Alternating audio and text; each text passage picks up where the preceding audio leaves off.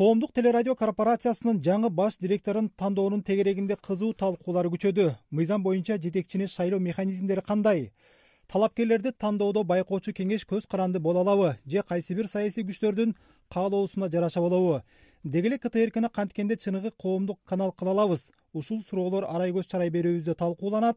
Талкууну бишкек студиясынан кесиптешим бакыт орунбеков алып барат рахмат саламатсыздарбы урматтуу радио каармандар. Бүгүнкү биздин талкуубузга э, коомдук радио корпорациясынын байкоочу кеңешинин төрагасы жыпар жекшеев жана кыргызстан журналисттер союзунун төрагасы абдыкадыр султанбаев катышат. Э, жыпар мырза менин суроом биринчи сизге да мынау э, ктркнын баш директорун тандоо шайлоо маселеси тегерегинде азыр кызуу коомчулукта талкуу жүрүүдө. Бул шайлоонун өткөрүүнүн бир э, мыйзамдык жол жобосу бир механизмдери кандай бир? Кыскача айтып бересизби? Жарайт бакыт. Э, бул э, биздин өзүбүздүн баягы мыйзамга негизделген регламентке негизделген жобо иштелип чыкканда ктркнын башкы директорун шайлоо боюнча. Ал жободо так жазылган ушул өзү жобо бир айдан кем эмес мөөнөттөн мурун жарыя болуш керек да. Ушу жобону конкурсту да мындайча айтканда тандоону биз деген ушу он сегизинчи январда эле биз ошону жарыкка чыгарып кыргыз туусу эркин тоо гезити жана ктркнын сайтында жайгаштырдык да. Өзүбүз жарыя кылып ошо жобону иштеп чыккан жобонун негизинде баардык маалымат ушу каналдар жетсин дегендей кылып биз өзүбүз ушу конкурсту баштадык да ал жерде баары тең жазылып турат. Ал төрт э, баскыч менен өтө турган бул тандоо болот да башкы директорду биринчи э, баскычты мына биз аяктап калдык он сегизинчи февралда. Ал ошо каалагандар талапкерлер башкы директордун ордуна. Алар өзүлөрүнүн баягы жети сегиз пункттан турган документтөрдү тапшырыш керек да. Биринчиси ал ушул байкоочу кеңештин төрагасынын намына арыз менен кайрылат. Арыздан кийин ошол жерде көрсөтүлгөн жободо көрсөтүлгөн документтердин баарын жогорку билими жөнүндө э, эч кандай партиянын ичинде жоктугу жөнүндө мындай же болбосо партиянын лидери же диний уюмдардын лидери же болбосо ошолордун мүчөсү болбош керек да бул жерде такыр? Мына э, сиздердин э, мөөнөтүңүздөргө бир үч күн калыптыр. Азыркы учурда канча адам мындай ушу талапкерлигин койду же болбосо документтерин берди? Мына азыркы ушул саатка төрт талапкердин документтери келип түштү биз бирок аны ачпайбыз деп сүйлөшкөнбүз. Биздин акыркы жыйыныбызда байкоочу кеңеште менин сунушум ушундай болгон. Э, мен жалгыз жеке өзүм ачып аны менен таанышууга укугум жок.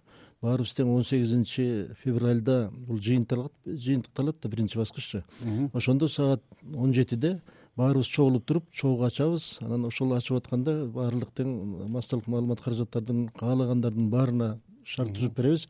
Алар ушул жерде күбө болот да өзүлөрү биз ишти ушундай баштайлы дедик да абдыкадыр мырза мына жогоруда айтылгандай э, бул ктркнын башкы директорун шайлоо тандоо маселеси саясий чөйрөдө дагы социалдык тармактарда дагы аябай кызуу талаш тартыштырды карама каршы пикирлерди туудуруп атат да. Мына жогоруда айтылгандай жол жобосу болсо мыйзамдык э, негиздери болсо мынчалык эмне коомдун э, күчтүү бир көңүл буруусуна мындай бурулуп атат да. Мунун себебин эмнеден көрөсүз мунун себеби биринчи азыр мына коомдук телерадио канал деп атабыз ошонун биздеги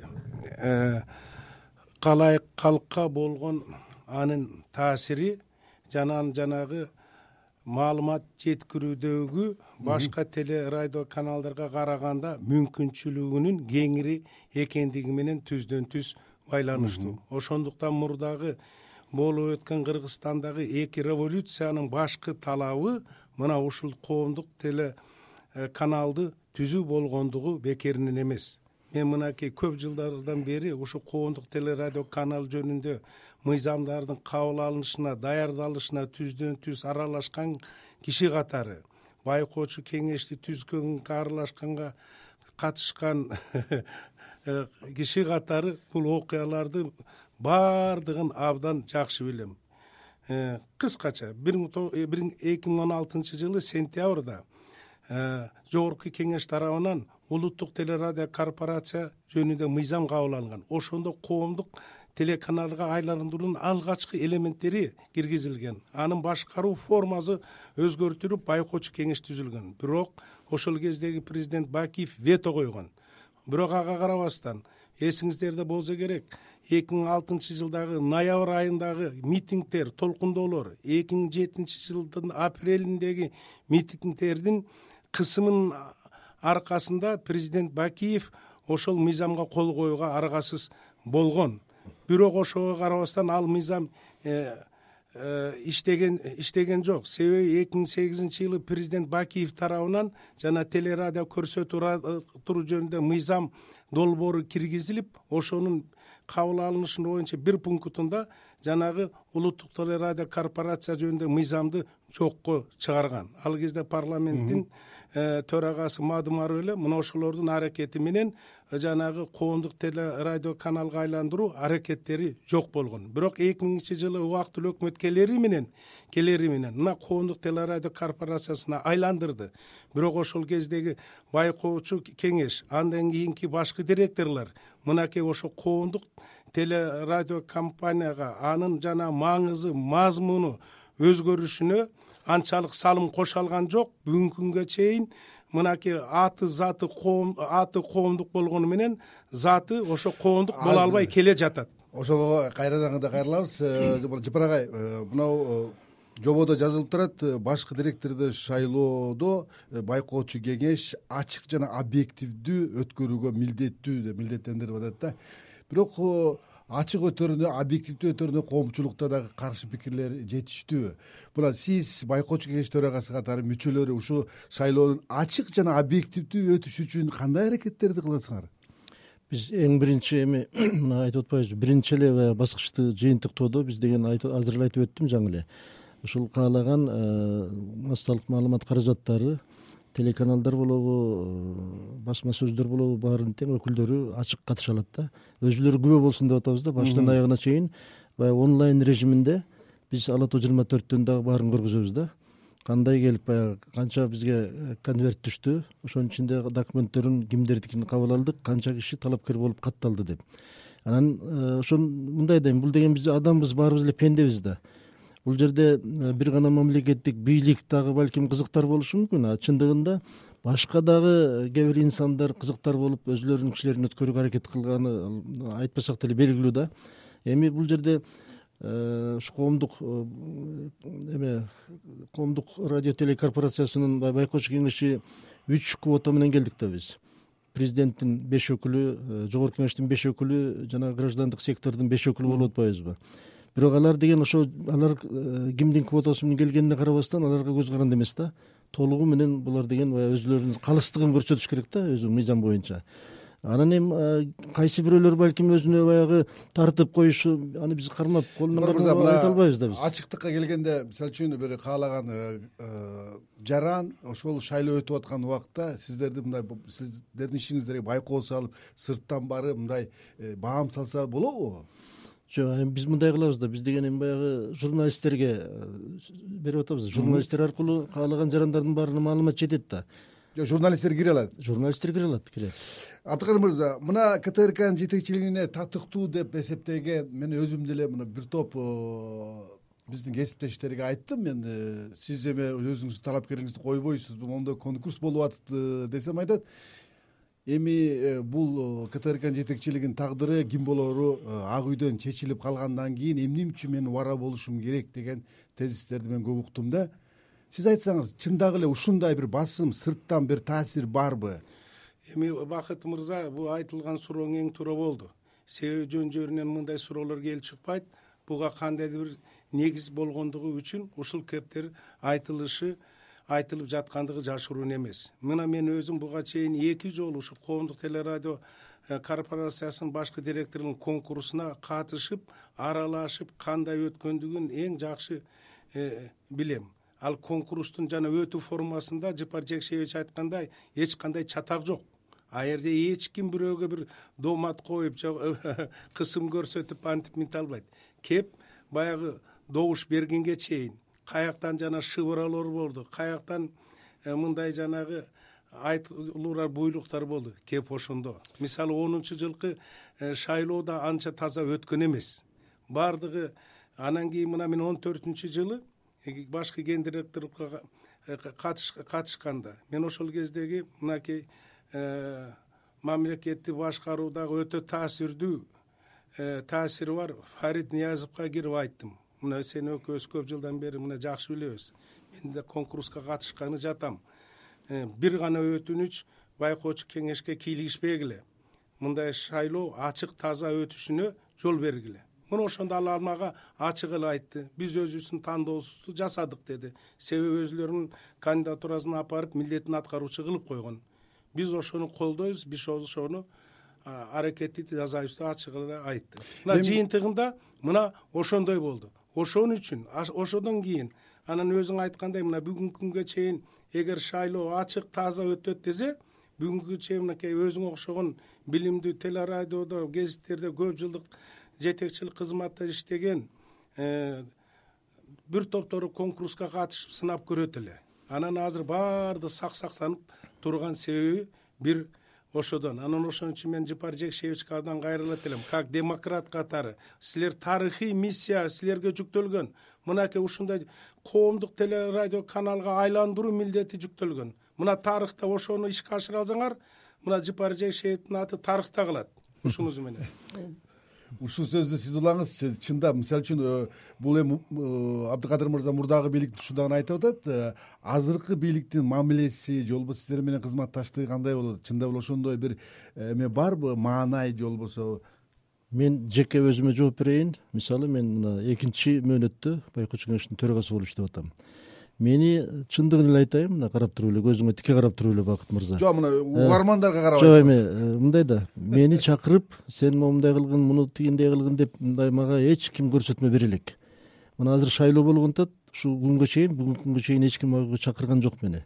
Э, бул талапкерди өткөрөсүз өткөрүүгө аракет кылыңыз жардам кылыңыз деп мындай суранган да жок эч ким. Эми жакында эгерде ошондой талап болуп калса тапшырма берилип калса сиздин аракетиңиз кандай болот анда мен э, эч бир тапшырманы аткарууга мындай милдеттүү эмесмин.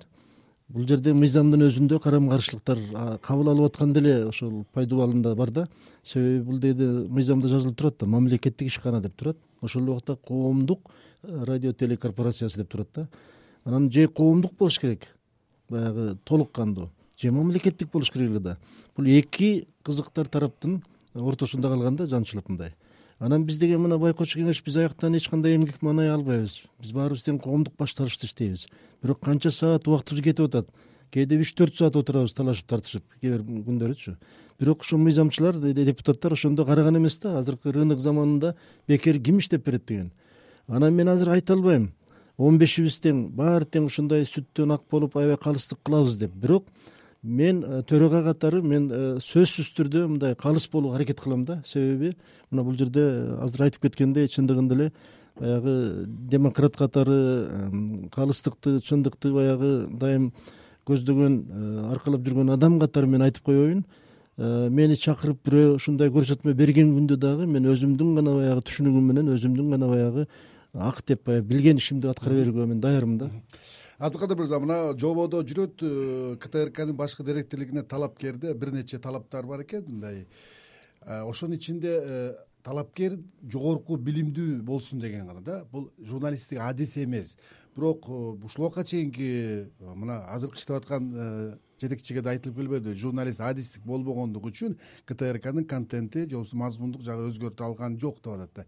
Ктркнын башкы директори сөзсүз эле журналист болуш керекпи эми мындай да мисалы мен айтып айтпас элем бирок жанагы бул эң башкы маселе мисалыке мынакей жанагы э, телерадио берүүлөрдүн мазмуну сапаты деңгээли. Мына ошону э, жана башкы директор жетекчи э, жана менеджерликтен башка жана чарбалык маселелерди чечкенден башка да мына ошол маселелерге компетенттүү болсо абдан жакшы болот эле идеалы албетте мисалы жана менеджерлик касиети бар. Анан жанагы чыгармачылык ишти билген э, инсан жетекчиликке келсе бул жанагы ошол телерадио компания чоң утууга ээ болот эле. Анан мен бул бир жыпар жекшевичтин бир э, пикирине кичине кайшы айтып айтып кетейин. Себеби мисалы мынакей коомдук телерадио корпорация жөнүндө мыйзам чынында мынакей абдан жакшы мыйзам. Эгер ушул мыйзамдын талаптары эле аткарылса аткарылса коомдук телеканал болууга толук мүмкүнчүлүк бар. Бул жерде мамлекеттин катышы кыпындай айтылган эмес.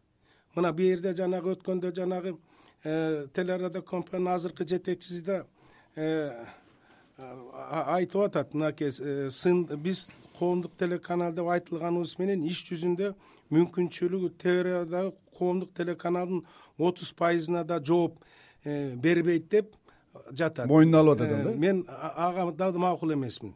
Жүз процент коомдук телерадио канал деген э, статуска азыркы мыйзам жооп берет. Ал ошо жетекчиликтин эркине байланыштуу. Кээ бирлер айтат бул мамлекеттен каржыланат деп. Туура мынакей жана коомдук телерадио каналдын түзүлүш табияты ар башка мамлекетте ар кандай. Но бизге окшогон чакан мамлекетте Э, көрүүчүлөрү чектелүү мамлекетте мамлекеттин бюджеттен каржыланганы эң туура. Себеби бул мамлекеттик бюджет эмнеден түзүлөт? Ар бир салык төлөөчүнүн. Э, сөзүндө айтат чабанбы малчыбы фермерби дыйканбы бизнесменби. Мынакей ошонун салыгынан э, мынакей мамлекет коомдук телеканалга бөлүп атат. Ошон үчүн ар бир салык төлөгөн адам менин каналым мен мындан жанагы ар кандай маалыматты талап кылууга акылымын деп айтууга э, укуктуу анан ошондой эле бул жерде жанагы коомдук теле э, жанагы корпорация жөнүндө мыйзам мыйзамда бир да статья жок. Жана мамлекеттик бийликке баш изин тигүү деген.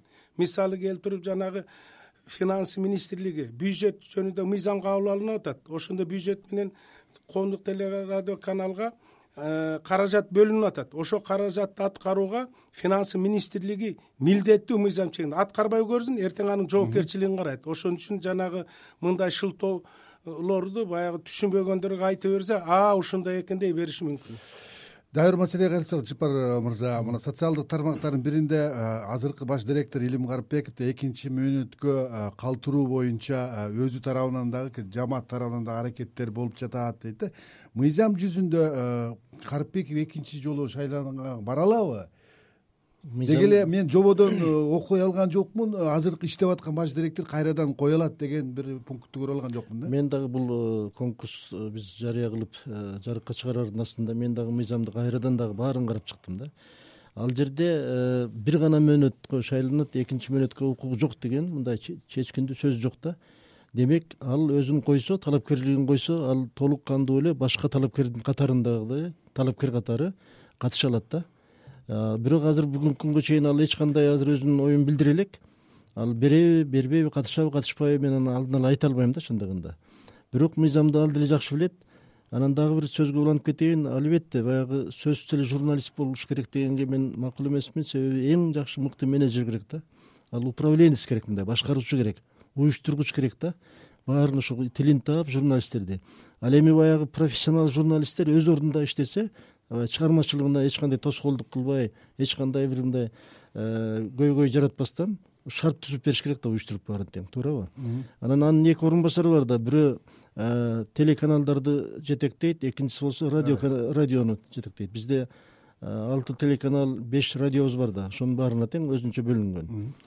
Абдыкадыр мырза мына э, коомчулукта негизги сын мына он жылга жакын убакыт өтүп калса дагы ктрк эмне үчүн э, өзүнүн статусундагы мыйзамдагыдай телеканал боло албай жатат? Ага эмне кедерги тийгизип атат? Ким кедергисин тийгизип атат? Ошол баш директорго эле байланыштуу нерсеби же биздин саясий чөйрөбүз бийлигибиз саясатыбыз башкабы? Мен э, мен айтып атам. Мынакей биздин жанагы бийлик тарабынан жогорку кеңеш тарабынан эң жакшы мыйзам кабыл алынды коомдук телерадио корпорация жөнүндө мыйзам. Мына ошол мыйзам аткарылса элечи анан буну аткаруу кимге байланыштуу? Аткаруу жыпар жекшеевич жетекчилик кылган байкоочу кеңештинке жана башкы директорго гана байланыштуу. Бул жерде мен эч качан материалдык э, финансылык тоскоолдуктарды көз карандылыкты көрбөйм. Ошолордун гана эркине байланыштуу. Эгер ошолор мынакей жанагы эч кандай башкаруучу же оппозициялык топторго саясий партияларга ар кандай коомдук бирикмелерге э, э, жан тартпай объективдүү калыс так туура материалдарды берүүгө жетишип коомдун өзүнө болгон ишенимин жаратса мына коомдук телерадио каналы деген өзүнүн озыйпасын аткара алат эле. Тилекке каршы мынакей ошого биз али жетише албай жатабыз. Жапар мырза ошондой мына мыйзамдык э, укуктук ченемдик нерселер сиздерге жетиштүүбү мына көз каранды эмес саясат жасаганга коомдук кылганга ак үйдү көзүн карабаганга сөзсүз да мына мен толук кошулам. Мыйзам жакшы мыйзам негизичи ал жерде эң башкы башкаруу орган эң бийик мындай биринчи э, башкаруу органы деп байкоочу кеңеш деп жазылып турат. Даптаана жазылып турат да. Биз биздин өзүбүздүн эркибизге жараша болот. Ошон үчүн биз айтып атпайбызбы мына бул жерде шайлоого келгенде баягы төртүнчү этапта биз шайлайбыз да. Ошол талапкерлердин баары тең өткөндөрдүн ичинде канча киши болсо дагы. Биз жашыруун бюллетень аркылуу шайлайбыз деп чечпедикпи ошондо эч ким эч кимге кысым көрсөтө албайт мисалы. Эч ким билбейсиң ким кандай кимди шайлаганын анан биз деген ачык баягы отуруп алып колуңарды көтөрүп койгула добуш берип койгула деген катардагы эле маселе эмес да бул. Биз ошонун баарын мына онлайн режиминде биз деген ошо телевидение аркылуу ктрк аркылуу каалаган журналисттердин катышуусунда баарын тең ушу башынан аягына чейин ошо ачык көргөзөлү деп атабыз да. Эл коомчулук өзү күбө болсун. Бизде эч кандай оюн болбош керек. Эч кандай бир жакка тартып э, мындай өзүлөрүнүн кызыкчылыгын ойлобошубуз керек да. Ошону биз эми колдон келишинче ошонун баарын камсыз кылалы деген аракеттин үстүндө иштеп атабыз да азыр э, мисалы келтирип мынакей жапар жекшебич айтып аткандай кеф ал жана добуш берүүнүн формасында эмес. Жана мен айттым да ар кандай жанагы шыгыроолор тыйгуулар кысым көрсөтүүлөр э, обу жок кеңеш берүүлөргө көңүл бурбай. Мыйзам негизинде коомдук телеканалдын кызыкчылыгын коомдун кызыкчылыгын э, ойлоп чечилсе гана ошондо ишке аша алат мен ойлойм бирок азыр ага кичине шарт бар. Мына жаңы бийлик. Мынакей өзүнүн э, жана басма сөз эркиндигине болгон жакшы мамилесин көрсөтүп алып атат мен ойлойм э, баягыдакы илгеркидей жетинчи этаждан кабаттан туруп кимге шайлоону шайлоону мажбурлайга барбайт деп. Рахмат урматтуу эксперттер. Бүгүн келип бизге маанилүү маек куруп бергениңиздер үчүн урматтуу радио каармандар бүгүн биз э, ктркнын э, байкоочу кеңеши директорлукте шайлоодо көз каранды э, мамиле жасай алабы. Саясий же саясий күчтөрдүн мындай каалоосуна жараша иш кылабы деген теманын тегерегинен кеп кылдык